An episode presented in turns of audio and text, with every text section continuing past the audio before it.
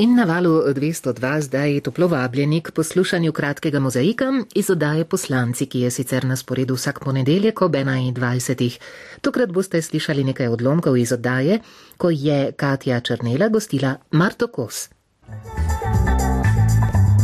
Marta Kos se je kot najmlajša rodila leta 65 v Slovengradcu. V osnovni in srednji šoli je bila večkratna slovenska in jugoslovanska mladinska ter članska prvakinja v plavanju. Po študiju novinarstva se je zaposlila v športni redakciji televizije, a je že po kratkem času odšla v slovensko uredništvo na radio Deutsche Welle, kjer je ostala tri leta, potem pa je bila imenovana za prvo dopisnico v Nemčiji. Po vrnitvi v Slovenijo leta 1997 je bila direktorica urada vlade za informiranje, dve leti kasneje pa je vodila kabinet predsednika gospodarske zbornice, kasneje je bila tudi njena podpredsednica. Zadnja štiri leta je voditeljica treningov menedžmenta in javnega nastopanja v podjetju, ki ga imata s soprogom Aaronom in je del uspešnega švicarskega izobraževalnega koncerna Gustav Kesar.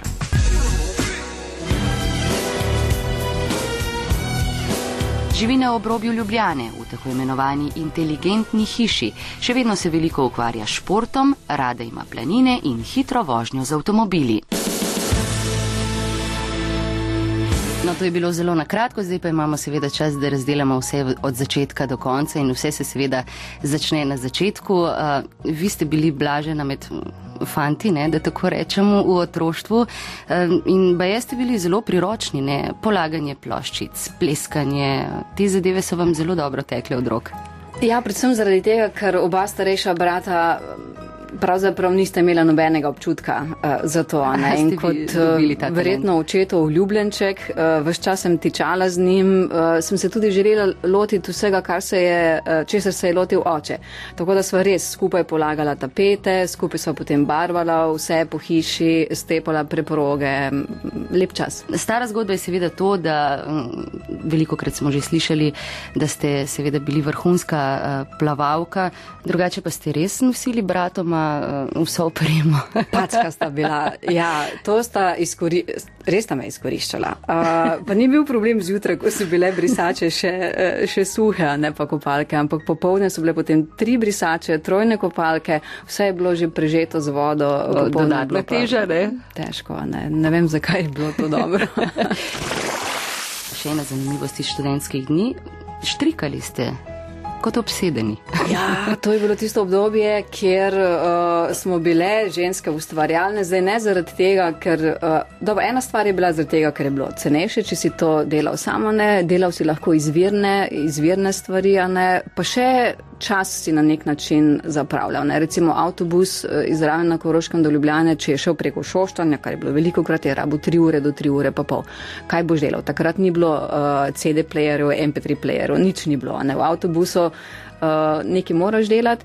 Potem je bilo pa to tako zelo všeč, da sem tudi pri nekaterih urah, recimo pri profesorju Tošu, še danes, če se srečava, se spomni tega, ne, v prvi vrsti sem vedno sedela in sem imela pribor za štrikanje, vmes pisala, štrikala, on je razlagal, jaz pa. Pletla, je bil deležen kakšnega um, poloverja?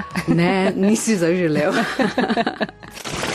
No, upanje ostaja, saj ni zagotovila, da muhasta zima ne bo morda že prihodnji teden začela 11. sezone akcije Brazde vzdržljivosti. Prav zato je treba nenehno vaditi. Načinov za to je veliko, če še nimate svojega, bo morda dobrodošel naslednji izgled. No, to je bilo nekaj zvočnih utrinkov, škoda, da ne moremo predvajati tudi uh, slike. Bolje, da ne. Eh, drugače pa dolgo niste bili na nacionalki, hitro ste uh, ušli na Deutsche Welle. Uh, najverjetneje je tudi ta izkušnja vam uh, prinesla poznavanje jezika in mogoče kasneje tudi razna že potem mednarodna povabila. Recimo odaje, to so bili muzikanten štadel, zelo odmevne in pa 60-letnica Slavka Avsenika. Drži, to obdobje na slovenski televiziji mi je zelo veliko prineslo, ampak ta skok v, v tujino in takrat še seveda iz socialistične države v kapitalistično državo in pa spoznavanje delovanja medijev tam, kjer sem potem živela v Kölnu, so mi dali še tisto dodatno izkušnjo. In tako izkušnja pri oddaji uh, Slavko Avsenik 60 let in pa muzikantni štadl z uh, Mojkom sta mi izjemno veliko prinesli, predvsem zaradi tega, ker sem videla, kako potem to delajo v tujini. In... Vsak premik je bil važen, ne? Ja, in recimo Slav, oddaja uh, ob 60. obletnici Slavka Avsenika je bila 90 minut na uživo. Trenirali smo en teden, pred odajo samo. Vse mi je zelo, zakaj pa en teden ni treba za eno. To prideš pa upraviš svoje, pa je. Ampak jaz sem dobila napisano, kaj lahko povem, kako dolgo lahko povem. In za vsak moj gib sem točno vedela, do katere točke na tleh je bil potem križec, kamor sem stopila, da je bila najboljša luč, a ne pa še v duetu z nemškim povezovalcem sva vse moderirala in si izmenjavala. In uh, naša odaja je bila dolga 89 minut in 45 sekund v živo, kar pomeni izjemen, izjemen nadzor režiserja nad celotno oddajo. Zakaj?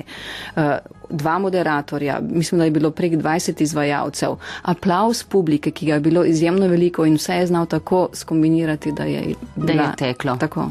No in tudi aplaus bomo slišali in seveda to, kako se je ta oddaja, kako je ta oddaja takrat zvenela.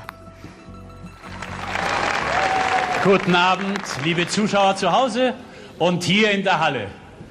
Wir heißen alle Zuschauer in Deutschland, Österreich, Finnland, in der Schweiz und auch in Jugoslawien herzlich willkommen. Wir senden live aus der Sporthalle im jugoslawischen Bled.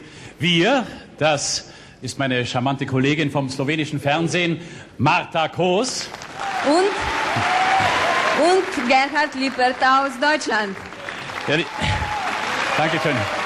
In zato, da je bilo treba dobro zgledati, to je ena zakulisna anekdota. Uh, tudi prsi so morali stati ja, tako, nohti. Nohte so uredili, morajo biti tak lak, ki je uh, bil primeren k obleki. Obleko so mi seveda dali, uh, dali oni in seveda oprse je moralo biti malo bolj bujno, kot je moje naravno, tako da so tudi pri pomočki selotejpe in vse ostalo takrat odigrali zelo pomembno vlogo.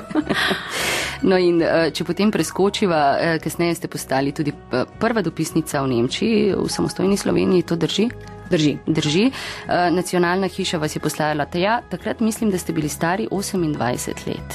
In spremljali ste pravzaprav vse teme. Uh, to ni bil recimo en prispevek na dan, ampak delali ste tudi za radio, delali ste za televizijo, pravzaprav vse, kar se je skoraj da vse, kar se je v Nemčiji dogajalo pomembnega. Se to se mi zdi, da je bila takrat, ne vem, ali moja prednost ali prednost tistega časa. Recimo na politični ravni se je seveda dogajalo izjemno veliko. Padec Berlinskega zidu, nemška združitev, razpad Jugoslavije, razpad Sovjetske zveze, potem pogovori 2 plus 4, ali bodo Nemčiji sploh pustili, da se združi.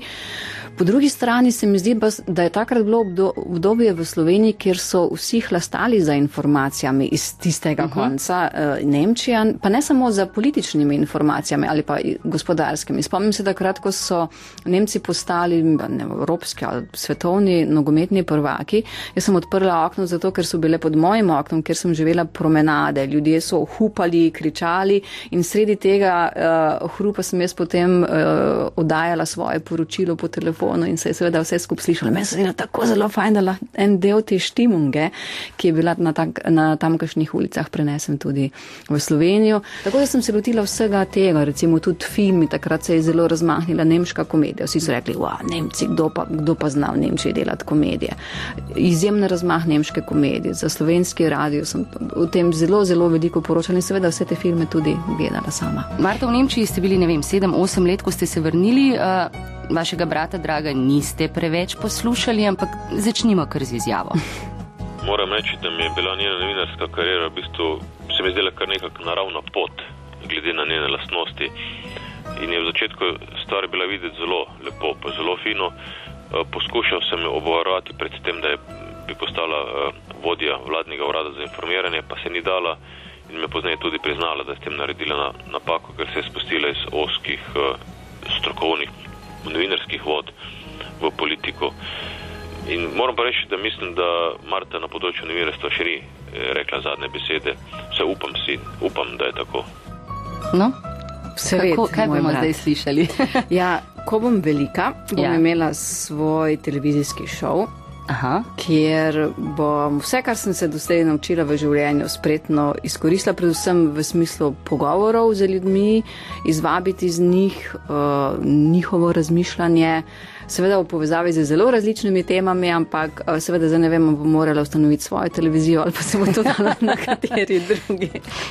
Za konec samo še to, eh, najbrž časa za vrtnarjenje in ostala upravila ni dovolj, eh, ampak vseeno, kdo ima glavno besedo, recimo pri hiši, to je mačka po imenu Lojze. Tako, to je muca ona, ki je, ki je Lojze, uh, zelo velika ljubezen, najna od obeh, ne, ki obvlada vse vrtove, uh, ma se boji sosedovih uh, mačk, a ne, ampak tisto, ko ste prej rekli za vrt, ni časa za vrtnarjenje, ampak sem pa glavni mojster za plevel. Plevel Aha. pa odstranjam. Včasih tudi preveč, kar pomeni, da potrgam kak, kakšne rože, ki šele zrastejo, ker mislim, da je plevel, ker se ne spozna. Eh, Dovolj tako, da vso grmovje, vso drevje, to je moja Aha. stvar, a ne Aron Mačes pa košnjo trave. Marta Kosmarko, najlepša hvala za obisk v oddaji poslanci in želim vam veliko uspeha. Poslanci.